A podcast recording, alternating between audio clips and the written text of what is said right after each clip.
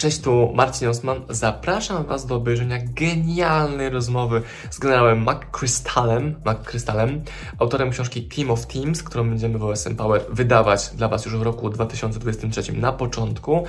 Książka jest już na bardzo zaawansowanym etapie prac, a Was zapraszam do rozmowy, gdzie przypytuję generała właśnie o kwestię bycia teamem teamów, zespołem zespołów, jak wykorzystać jego doświadczenie jako generał jednostek specjalnych do wdrożenia w Twoim życiu i biznesie. Uwaga, uwaga, nagranie jest z polskim lektorem. Polecam się. Marcin Osman i cały zespół OSM Power. Owocnego oglądania. Welcome. Witamy w Polsce wirtualnie, Dziękuję.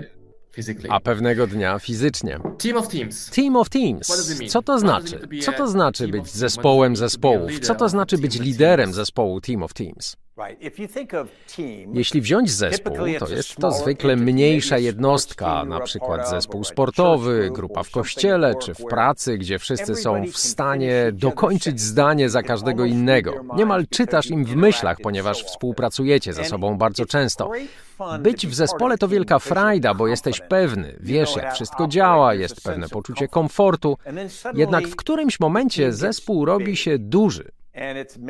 Na przykład idziesz już korytarzem w firmie i zauważasz, że nie znasz tam wszystkich. Nagle to już są ludzie z finansów, a tamci z marketingu, a tamci z badań i rozwoju i każda z tych grup ma swoją wewnętrzną kulturę, bo ci ludzie pracują w jednym miejscu, łączą siły. Oni potrafią czytać sobie w myślach, ale nie mają pojęcia o czym ty mówisz. Czyli mamy tu już duży zespół, ale w moim umyśle tak naprawdę zmieści się tylko grupa grupa określonej wielkości. Jaka wielkość zespołu byłaby optymalna? 10 osób, 5, 50? Mówi się, że maksymalna liczba dla zespołu to 150 osób. Ja myślę, że to za dużo. Moim zdaniem to byłaby połowa tego 75.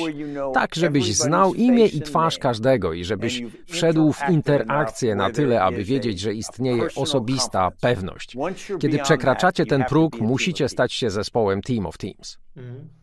Uh, Kiedy w mojej pierwszej firmie przekroczyliśmy liczbę 20 osób, uh, dla mnie było to już za wiele. Może brakowało mi wtedy doświadczenia liderskiego, ale kiedy miałem w zespole około 15 osób, było dobrze. Za to później myślałem już, co to za dziewczyna siedzi przy tamtym biurku? Hmm, hmm ciekawe. Więc jak rozwijać firmę zgodnie z Twoimi strategiami od zespołu trzyosobowego do 50-osobowego? No, poruszyłeś ważną sprawę, bo wiele firm mówi dziś o spłaszczaniu. Kiedy się spłaszczają, zwiększają zasięg kontroli swoich liderów. Każdy z nich może mieć nawet 50 podwładnych, a nikt nie da rady zarządzać tak wieloma ludźmi. Może da radę przydzielać im zadania jak menedżer, ale ich nie poprowadzi. Nie przeznaczysz odpowiedniego czasu na kontakt, interakcje. Jestem przekonany, że nasze organizacje nie muszą być płaskie w sensie struktury, bo potrzebna jest struktura piramidy, aby mieć liderów dla grup odpowiedniej wielkości. Ale sposób, w jaki przesyłasz informacje i podejmujesz decyzje, nie musi wcale być tak bardzo hierarchiczny, może być o wiele bardziej elastyczny. A więc chodzi przede wszystkim o komunikację, o to, żeby była prosta, Wiesz, koniec końców można powiedzieć, że wszystko kręci się wokół komunikacji. Komunikacja jest rzeczą o wiele trudniejszą niż nam się wydaje. Wszyscy mamy telefony, mamy komputery, więc się komunikujemy. Ja bym powiedział, że komunikujesz się tylko wtedy, gdy osoba, która się z tobą komunikuje, jest gotowa przekazać ci informacje, jest w stanie i jest gotowa, a odbiorca jest gotów i jest w stanie te informacje odebrać. Kiedy mówię jest w stanie, to znaczy, że ma techniczną możliwość odebrania jej, ale także musi ją rozumieć. Ile razy zdarzyło ci się rozmawiać z kimś, kto używał jakichś skrótów, żargonu, potakiwałeś, ale nie miałeś pojęcia o czym mówił, prawda? To nie była prawdziwa komunikacja, to była transmisja. Myślę, że w organizacjach często mylimy je ze sobą. Czasami myślę, że eksperci, wiesz, eksperci starają się komplikować rzeczy, abym, nie wiem, poczuł się głupszy. Używają różnych terminów i nie starają się nawet, abym rozumiał temat. Czują się za to ważni, bo używają takich wyszukanych słów. Tyle, że pod koniec takiego wystąpienia myślę sobie, okej, okay, nie łapię tego. I co, jesteś dumny z siebie, bo stałeś na scenie? Wiesz, myślę, że wszyscy to znamy. Po części wynika to z obaw o swoje stanowisko. Jeśli ktoś należy do grupki specjalistów, gdzie tylko jej członkowie rozumieją terminologię, to jesteśmy od nich zależni. Czy to będą prawnicy, czy lekarze, którzy mają swoją wiedzę tajemną. Ja przez dwa lata byłem członkiem zarządu Deutsche Bank w Stanach. Byłem tam jedynym niebankowcem, jedynym człowiekiem bez głębokiego doświadczenia w finansach. Zadawałem im takie idiotycznie proste pytania, co jakiś czas ktoś odciągał mnie na bok i przyznawał, wiesz, to było dobre pytanie i żaden z nas nie znał odpowiedzi. To nie dlatego, że nie byli inteligentni. Czasami potrzeba kogoś, kto powie zaraz. Ja nie rozumiem, wytłumaczcie mi to prościej.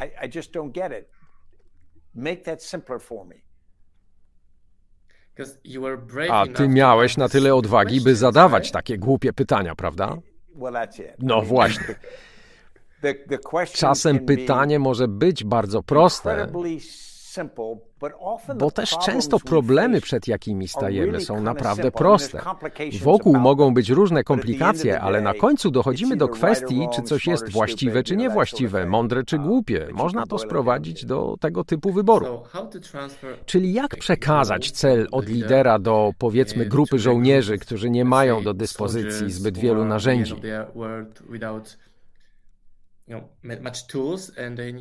Mają zdobyć jakieś miejsce, czy uratować kogoś, kogo trzeba uratować. Chcesz być dla nich liderem z zagranicy, ale jednocześnie chcesz, aby oni sami siebie prowadzili. To brzmi tak prosto, prawda? Więc dlaczego jest tak trudne? Bardzo trudne. Ten pierwotny pomysł, aby wydawać bardzo konkretne rozkazy, opiera się na założeniu, że na szczycie każdej organizacji stoi jedna genialna osoba, która dysponuje idealnymi informacjami i jest w stanie przydzielić zadania wszystkim swoim podwładnym, tak aby wszystkie te zadania zostały wykonane, aby pasowali do siebie i zrealizowali misję. To zakłada dosyć statyczne środowisko, to znaczy, że misja się nie zmienia, ponieważ zmieniły się warunki. Ale oczywiście wiemy, że w rzeczywistości rzeczy stale się zmieniają. Dlatego najlepsze sytuacje militarne, w jakich byłem, najlepsi liderzy wydają rozkaz, mówią na przykład: Chcę, żebyście zdobyli to wzgórze. Ale potem dodają drugą część tego rozkazu dowódcom w namiocie.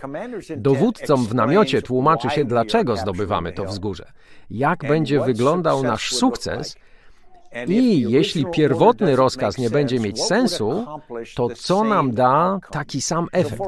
Na przykład, samo wzgórze nie miało znaczenia tak naprawdę.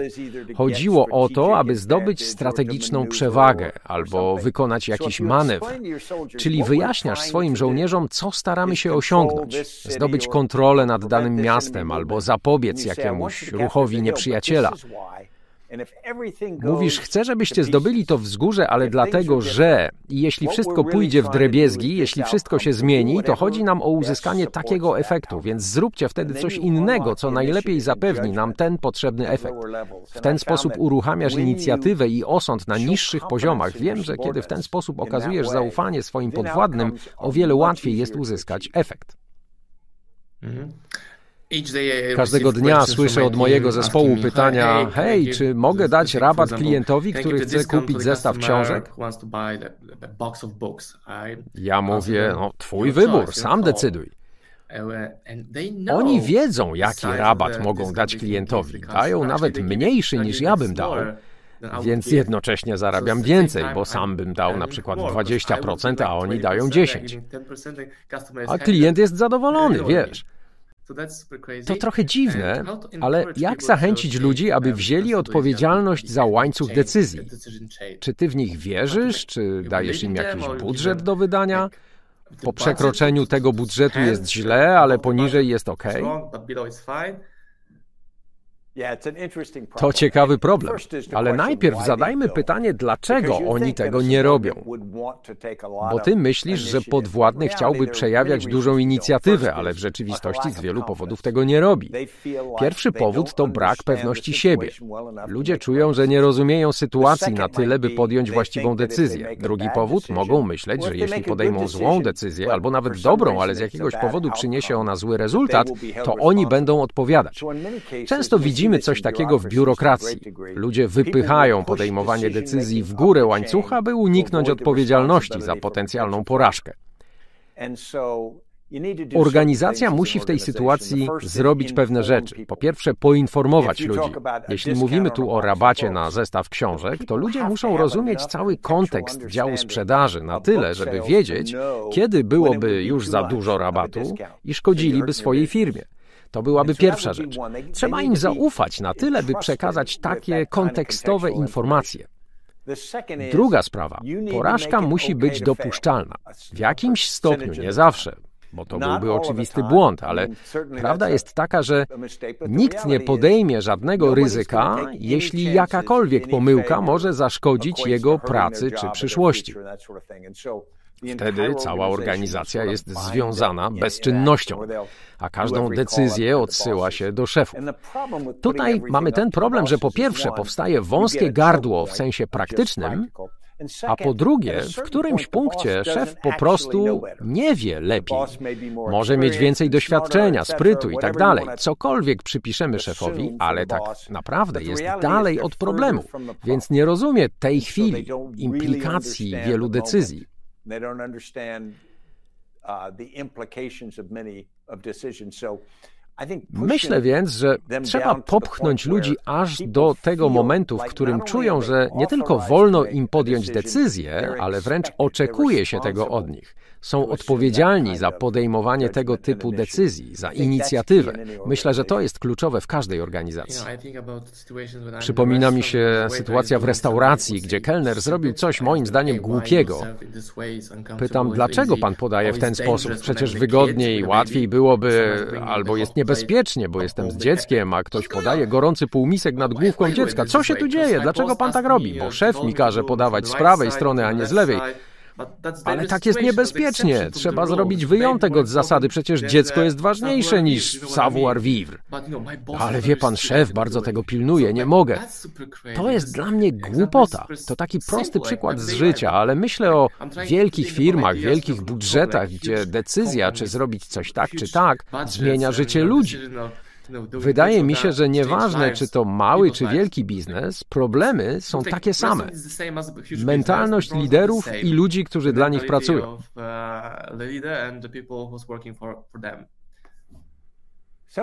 Niektórzy może pamiętają, jak w 2017 podczas lotu United Airlines na południu USA nakręcono wideo, które jest na YouTubie. Grupa pracowników wyciąga pasażera z samolotu, a ten krzyczy, uderzył się w wargę, krwawił. Okazało się, że na ten lot sprzedano za dużo biletów. Czterech pasażerów musiało wysiąść. Ten nie chciał, więc go fizycznie wyciągnęli. Oczywiście odbiło się to katastrofalnie na wizerunku United Airlines, ja w tym czasie byłem na pokładzie innego z ich samolotów, więc kiedy to wideo się pokazało, byłem bardzo zainteresowany. Dyrektor generalny linii zamieścił oświadczenie, w którym mówił, każdy pracownik United Airlines podczas tego incydentu działał zgodnie z procedurami. Myślę, jak można tak mówić? To była katastrofa, chociaż on mówił prawdę. Tyle, że nikt w firmie nigdy nie wyobraził sobie takiej sytuacji. Ludzie zastosowali się do procedur, procedur, ale dało to efekt odwrotny do tego, którego chciały linie. Mogli dać ludziom wskazówki typu w każdym wypadku staramy się chronić reputację linii, postępować właściwie, zrób to, co podpowiada ci zdrowy rozsądek. I mieliby zupełnie inny rezultat. W dużych organizacjach wydaje nam się, że lepiej być bardzo precyzyjnym. Zrób to albo nie rób tego, bo mieliśmy przypadki, w których ludzie popełniali błędy, więc uważamy, że jeśli narysujemy wyraźne linie, to uzyskamy lepszy efekt. Czasami to działa, ale bardzo często warunki są inne i takie coś okazuje się zupełnie nieproduktywne. Nie wyobrażam sobie, jak ta załoga robi to samo, gdyby to oni byli pasażerami. Wiesz, ci sami ludzie, ale już bez uniformów i czapek, jako pasażerowie.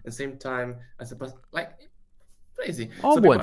Ludzie boją się złamać zasady, boją się zwolnienia, tego co inni sobie pomyślą, ale w przypadku tej załogi to było kilka osób, prawda? Nie jedna, nie sam kapitan, tylko nie wiem, sześć osób i wszystkie zachowały się w ten sam sposób. Każdy bał się powiedzieć pozostałym nie, nie, tak nie można. Dokładnie tak. Bo łatwiej jest być pasywnym i niech mnie prowadzą zasady. Ile razy spotkałeś kogoś w recepcji hotelu na przykład, nie masz rezerwacji i chciałoby się złościć na tę osobę tam, ale ona może się obronić. Nie wiem, to nie moja wina, nie mam upoważnienia. W ten sposób może się wywinąć od konfrontacji. Niestety to człowieka doprowadza do szału, przynajmniej mnie, bo nie mogę tam porozmawiać z nikim, kto powie: Jestem odpowiedzialny. Naprawię to albo nie naprawię. Zamiast tego boksujesz się z chmurą, prawda? Szybko się przekonujesz, że nie ma sensu zadawać ciosów. A jakie masz doświadczenia i wiedzę, jeśli chodzi o język, jakiego używa lider? Skoro mówimy o restauracjach i hotelach, niektóre hotele nazywają mnie klientem, a inne gościem. Czuję się lepiej, gdy traktują mnie jak gościa. Czuję się mile widziany. A jak to jest w wojsku czy w wielkich firmach, w jakich ty pracujesz? To ciekawe. W połowie lat 80., gdy służyłem w Rangersach Armii USA, mieliśmy do czynienia z organizacją lotniczą do operacji specjalnych. Wtedy pierwszy raz załoga zdefiniowała mnie jako klienta. Powiedziałem: OK, potrzebuję helikopter, który zawiózłby nas i wylądował tutaj. Zrobicie to? Oni na to, ty jesteś klientem. Jeśli jest to możliwe, zrobimy to, czego chcesz. W pierwszej chwili poczułem się urażony, bo przecież nie działaliśmy w świecie biznesu, więc pomysł, że jestem klientem, wydawał mi się dziwny, ale później pracowałem z tą jednostką przez ponad 20 lat. Oni rozumieli pracę zespołową w ten sposób, że ludzie, którzy lecą ich helikopterem, polegają na nich, są ich klientami. I ta jednostka lotnicza musiała zadowolić swoich klientów, bo inaczej byłaby niepotrzebna. Utrzymywanie ich nie miałoby sensu, gdyby nie wykonywali dobrej roboty dla swojego klienta. Uh, Myślę, że to jest bardzo dobry sposób myślenia. Kiedy zasiadałem w zarządzie JetBlue Airlines, firma miała swoje hasło być ulubioną linią lotniczą Ameryki. To było takie proste. Oni oczekiwali, że każdy pracownik będzie podejmował każdą decyzję w oparciu o to kryterium, czy przez to będziemy ulubioną linią lotniczą dla naszych klientów. Jeśli zastanowimy się nad tym w szerszym sensie, to ma to wielką moc. Powiedziałeś, że nazywano cię klientem. W Polsce mamy oddział specjalny o nazwie GROM, może ich znasz? Znam. Kiedyś dowodził nimi generał Polko i on nazwał ten oddział specjalny firmą. Jesteśmy firmą. Musimy szukać zasobów nie tylko na polu bitwy, ale też poza nim. Dlatego był tak dobry w marketingu i PR. Zapraszał VIP-ów na pokazy, sponsorów. Moim zdaniem to świetny pomysł, że nazywali siebie firmą. Jestem przedsiębiorcą, uwielbiam biznesowe podejście, dawanie wartości klientom i całemu światu. A co, jeśli trzeba pracować z ludźmi, których się nie wybierało? Czasem trzeba prowadzić grupę osób, których się nie wybierało. Ktoś inny ich zrekrutował i słyszy się, ci ludzie są do niczego, nie umiem z nimi pracować, muszę zmienić zespół. Ale nie można zabrać jednego żołnierza i zastąpić go innym. Uh, co byś wtedy doradził komuś takiemu? Z pewnością wielu widzów teraz pomyśli, tak, to ja.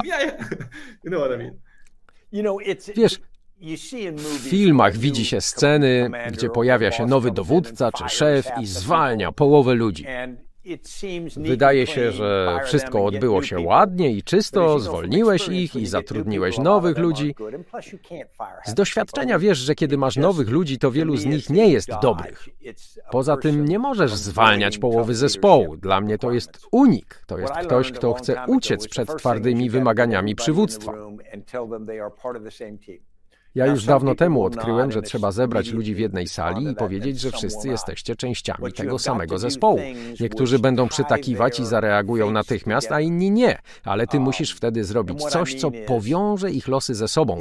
To znaczy, że jeśli jedna część organizacji może odnosić sukcesy i patrzeć z góry na inną część, do tego otrzymywać nagrody za swoje wyniki, a tej drugiej części może iść kiepsko, to nie będzie tam prawdziwej synergii, bo ci ludzie nie czują się zmotywowani swoimi wzajemnymi sukcesami. Miałem takiego dowódcę, który mówił swoim dowódcom kompanii, a ja byłem jednym z nich, i oficerom sztabowym, mówił, jeśli na przykład serwis waszych wozów bojowych nie jest dobry i one zawiodą, wyrzucę nie tylko dowódcę tej kompanii, ale także oficera odpowiedzialnego za utrzymanie sprzętu batalionu. Kiedy to pierwszy raz powiedział, wszyscy protestowali.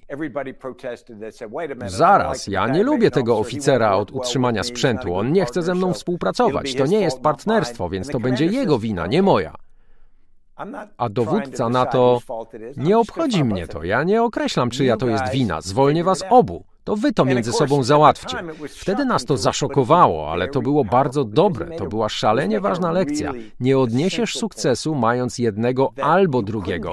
To musi być praca zespołowa. Czyli załatwcie to. Ja często czuję, że muszę usunąć siebie z tego równania, powiedzieć: Słuchajcie, to wasza robota. Ja będę tutaj, gdybyście mnie potrzebowali, ale to jest wasze zadanie. To brzmi prosto, ale czasami jest bardzo trudne, szczególnie gdy są problemy, wszędzie wybuchają pożary, trzeba się ratować i tak dalej. Czy to wszystko polega na komunikacji, zachęcaniu ludzi, na pozwoleniu, żeby zrobili to, co do nich należy, tak jak pisał David Marquette w swoim języku przywództwa? Nie wiedział nic o tym konkretnym statku, więc musiał zaufać załodze i pozwolił, by to oni poprowadzili jego, czyli przewodził, pozwalając ludziom się prowadzić.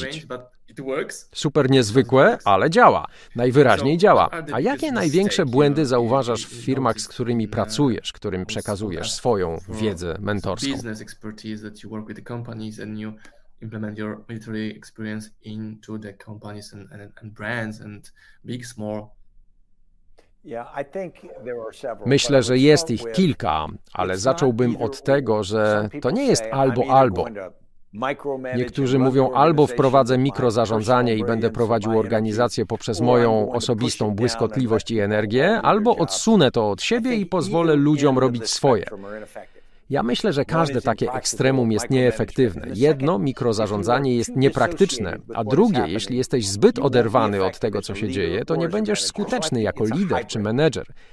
Ja myślę, że rozwiązaniem jest hybryda. Hybryda, czyli że będę informować moich podwładnych, będą przede mną odpowiadać, nie będę wykonywać ich pracy, ale będę w interakcji na tyle, bym rozumiał, co się dzieje i mógł wpływać na sprawy, kiedy będzie to właściwe. Tu chodzi o zachowanie równowagi. To są codzienne zmiany. Czasem trzeba się trochę pochylić, a czasem odchylić. Ale jeśli ktoś nie jest blisko tych spraw, uh, to jest to duży problem. Drugi problem mamy wtedy, gdy brakuje nam jasności. Masz strategię dla firmy, zrobiłeś wszystko jak należy, stworzyłeś wizję, postawiłeś cele, może razem z konsultantami stworzyłeś genialną strategię, idealną dla rynku, a jednak dalej masz kłopoty. Zwykle dlatego, że różne części organizacji nie współdziałają przy wprowadzaniu tej strategii. Gdyby się przyjrzeć wielkim porażkom, czy to militarnym, czy politycznym, biznesowym, to zwykle nie chodziło o to, że strategia była zła, tylko źle ją realizowano. Albo organizacja jeszcze nie jest na to gotowa, albo ludzie nie współpracują, czyli nie robią pewnych rzeczy razem. Nie wchodząc w politykę, zobacz jak funkcjonuje rosyjska armia w Ukrainie. Widzimy nieskoordynowane operacje, przez co uzyskują o wiele mniejszy efekt z całej tej siły militarnej, jaką tam rzucili, bo są słabo skoordynowani. Być może strategię mieli nawet dobrą, tylko nie potrafili jej wprowadzić w życie. Wszystko wygląda pięknie w PowerPoincie, prawda? Dobrze powiedziane. Uh, ja znam liderów, którzy unikają sytuacji, kiedy trzeba zakasać rękawy, i znam też takich, którzy aż za bardzo wchodzą w takie praktyczne działania. Jak znaleźć właściwy balans między nimi? Chcę usłyszeć od ciebie prostą odpowiedź, choć pewnie powiesz, to zależy. Ale zobaczmy, co o tym myślisz. Ja bym powiedział oczy otwarte, ręce przy sobie. To dobre powiedzenie. Oznacza ono, że dziś, szczególnie przy naszej technologii informacyjnej, możemy mieć o wiele głębszą świadomość tego, co się dzieje, niż kiedykolwiek dotąd. Możemy mieć ją stale. I powiedziałbym, że liderzy powinni ją mieć. Powinni się dosłownie marynować w informacjach o tym, co się dzieje. A kiedy mówię ręce z daleka, to nie znaczy, że masz się nie angażować. To znaczy nie dotykaj się, chyba że czegoś trzeba dotknąć. Jeśli sprawy się toczą w jakimś zakresie przyzwoitym, tym nie dotykaj ich, bo wywołasz dużo złego. Jeśli coś się wywróciło, to schyl się i popraw, jeśli trzeba, a jeśli jest to znacząca zmiana, to dobrze. Liderzy muszą umieć wyczuć tę równowagę, bo są mocno zaangażowani przez cały czas. Nie ma miejsca dla lidera, który się angażuje przez dwa dni w tygodniu, bo wtedy za mało wie ale musisz uważać, bo jak zaczniesz się włączać za bardzo, to wszystko będzie Twoją sprawą. Ludzie się zatrzymają i będą czekać, aż Ty to zrobisz. Mój znajomy mawia, jeśli to ty odpowiadasz na wszystkie maile i częściej klikasz odpowiedz niż prześlij dalej, to znaczy, że coś jest z tobą nie tak. Uwielbiam, jak on uczy pracy z e-mailami. Świetnie powiedziane. Cokolwiek tworzy skuteczny przepływ komunikacji w Twojej organizacji jest właściwe. Za każdym razem będzie trochę inne, bo organizacja może mieć inne położenie geograficzne, inną misję, demografię. Ale chodzi o to, że jeśli się nie komunikuje skutecznie, a co za tym idzie, nie podejmuje decyzji, to powstaje inercja i brak działania. W ten sposób donikąd nie zajdzie. Możesz to wyczuwać. Doświadczeni liderzy to potrafią, ale możesz także przetestować swoją organizację pod presją, żeby zobaczyć, czy funkcjonuje. Mm, e, Jestem ojcem dwójki dzieci. Córka ma 4 lata, a mały 10 miesięcy. Codziennie podejmuję decyzję, czy mam podbiec do niego, kiedy próbuje chodzić, czy mam mu dać sekundę więcej i. bo widzę, że mu się nie uda, że upadnie. Z drugim dzieckiem jest łatwiej, bo już wiem. Dobra, mogę usiąść, wypić łyk kawy i dopiero później pójść do niego. Oh, Przy pierwszym od razu biegłem. Nasze drugie dziecko będzie pewnie chodziło szybciej niż pierwsze. To ja jako ojciec, jako lider musiałem zrobić postęp. I to samo jest z organizacją. Kiedyś bałem się wyjechać na wakacje na dłużej niż tydzień a potem wyjechałem na miesiąc. Wróciłem i zobaczyłem, że firma się rozwija, beze mnie nawet lepiej. A jednocześnie ja mogłem wtedy lepiej pomyśleć o jakiejś nowej strategii. Miałem czas, aby myśleć. W mojej pierwszej firmie byłem zbyt zajęty, nie umiałem znaleźć czasu, by pomyśleć, bo uważałem, że cały czas powinienem pracować aktywnie. A ty tak pięknie powiedziałeś hands off, eyes on. Oczy otwarte, ręce przy sobie, prawda? Oczy otwarte, ręce przy sobie, zgadza się. Skoro mówisz o dzieciach, wiesz, to ciekawe. Przy pierwszym dziecku uczysz się, jak wszystko robić i przez to odegranie twojej roli zabiera ci więcej czasu. Przy drugim dziecku jesteś już lepszy. Pamiętaj także, iż to drugie dziecko uczy się szybciej, bo obserwuje to pierwsze. Starsze staje się przykładem kogoś prawie takiego samego. To jest ważne także w firmach, bo nie jesteś jedynym liderem dla swoich ludzi. Masz liderów wszędzie w swojej organizacji, aż do najniższych szczebli. Jeśli się sprawi, że będą przykładem właściwych zachowań, można bardzo wzmocnić całą kulturę swojej organizacji. I druga sprawa, o której powiedziałeś przed chwilą, że liderzy muszą dać sobie czas na myślenie. Przyznam, że po drugiej stronie spektrum jest taka tendencja u liderów, którzy odnieśli pewien sukces. Patrzą w lustro i nagle widzą tam genialnego człowieka, wspaniałą kobietę czy mężczyznę, bardziej wspaniałego niż ten, który stoi przed lustrem. Zaczynają wtedy myśleć, że już nie muszą być w takim bliskim kontakcie, że mogą przyjść na jeden dzień w miesiącu i są już tak genialni, że jak Midas, wystarczy, że czegoś dotkną i to się zmieni w złoto. To także nie jest właściwe. Myślę, że właściwa odpowiedź leży gdzieś po środku tego spektrum i naprawdę dojrzały lider potrafi to miejsce wyczuć. Mm. E, Publikujemy książki Gary'ego Wajnerczuka. Słyszałeś o nim? Gary Wajnerczuk? E, Gary Vaynerchuk. On mówi, że świetny lider, jeśli musi wybrać, czy pozostawić w firmie najbardziej inteligentną osobę, kogoś niesamowitego, ale wie, że koledzy mówią o nim, że to dupek, to on woli zostawić kogoś, kto jest tylko w 80% tak dobry, ale ma inne nastawienie, inną kulturę. Pisze, że te, on tak pisze, inteligentne dupki na dłuższą metę niszczą firmę. Zgodzisz się z tym, czy masz inne zdanie na ten temat? Całkowicie się z tym zgadzam. Jest takie określenie używane w sporcie, ale czasem też w wojsku Dream Team. Wydaje się, że wystarczy wziąć najbardziej utalentowanych graczy z danego klubu, zebrać ich razem i automatycznie będzie się miało wspaniały zespół. A jednak wszyscy wiemy, że to nieprawda. Wiemy, że dynamika liczy się bardziej niż talent. Ileż to razy widzieliśmy jakiegoś toksycznego lidera w firmie na dyrektorskim stanowisku, albo świetnego sprzedawcę, który, jak to mówisz, jest dupkiem i nikt go nie lubi. Jesteśmy tak oczarowani jego charyzmą czy sukcesami w jakimś obszarze biznesu, że myślimy, iż nie możemy go usunąć, bo osłabimy przez to organizację.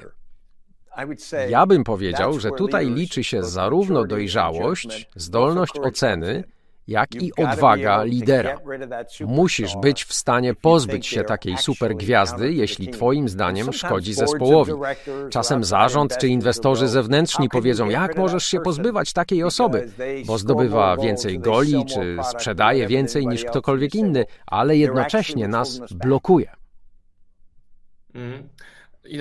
Wiesz, uh, my mamy Roberta uh, Lewandowskiego, słynnego piłkarza, uh, występuje na co dzień w zachodnich klubach, ale kiedy gra polska reprezentacja narodowa i oglądam ten mecz, to widzę, że między nimi nie ma kontaktu. Jest jedna gwiazda i to nie jest jego wina, to raczej kwestia braku kontaktu właśnie, bo oni się spotykają przez miesiąc przed meczem i starają się zbudować zespół ale tak mocno różnią się sposobem myślenia, że to aż szalone. Powinni mieć jeden cel. Stwórzmy zespół, wygrajmy, bądźmy tymi wrednymi tym razem. Ale to tak nie działa. Co ty byś im zalecił? Albo nie, co byś polecił jemu jako najlepszemu graczowi? Co byś zalecił trenerowi i co byś zalecił powiedzmy połowie tego zespołu, która wie, że nie jest no, powiedzmy z najwyższej półki, ale musi biegać i zdobywać gole. Myślę, że trenerowi powiedziałbym, jeśli masz mieć wybitnego gracza, który zdecydowanie się wyróżnia na tle innych i to jest po prostu fakt, tak wybrałeś, to musisz zbudować swoją strategię wokół tego. Powiedzieć, dobrze, skoro mamy tę supergwiazdę, to resztę zespołu zbudujemy tak, by umiejętności tej gwiazdy były decydujące żeby dostawał wystarczająco dużo podań i to, co jest ważne w danej dziedzinie sportu. Tak, aby jego talenty były tym, co zdecyduje o wygranej bądź przegranej. Widuje się sporo zespołów tak zbudowanych wokół wspaniałego koszykarza, gdzie cała obrona jest skupiona na tym, by zebrać piłkę i podać do niego. W takiej organizacji mamy też pewne wyzwanie psychiczne, bo każdy czuje się podporządkowany tej jednej osobie. Ja bym sugerował, skoro już musisz to zrobić, bo jest to strategia zbudowana tak naprawdę na słabości, a nie na sile, robisz to, co musisz zrobić, to myśl o tym, w ten sposób właśnie. Staraj się zminimalizować ryzyko z tym związane, aby coś uh, zbudować. Myślę, że jeśli chodzi o kulturę organizacji, to powinieneś starać się ją budować nie w oparciu o jeden czy dwa talenty. To trzeba oprzeć na idei, że każdy jest wartościowy, bo wtedy wymagasz wyższego poziomu działania od każdego w organizacji. A kiedy masz jedną czy dwie supergwiazdy, to nagle nikt inny nie czuje się już odpowiedzialny za zwycięstwo. Dobrze powiedziane. Słyszałem, że oni nie czują się odpowiedzialni za wynik, bo myślą, że ten najlepszy zawodnik wykona pracę. I zgodzę się, ten mecz wygląda tak, że on biega, a oni zachowują się, jakby mówili: No, no, dawaj, dawaj. Go! Wiesz, to się dzieje także w biznesie. Zobacz, może być jakiś genialny założyciel, który stworzył firmę, jest postacią charyzmatyczną, pełną energii. Wtedy reszta zespołu może mieć tendencję do płynięcia na fali wywołanej geniuszem czy charyzmą szefa. To jest problem skali, bo taka osoba nie może być Elonem Muskiem w każdej sytuacji. Okazuje się, że organizacja jest mniej elastyczna, mniej odporna i oczywiście bardziej narażona, bo utrata tej osoby czy jakiś jej błąd może się okazać katastrofą.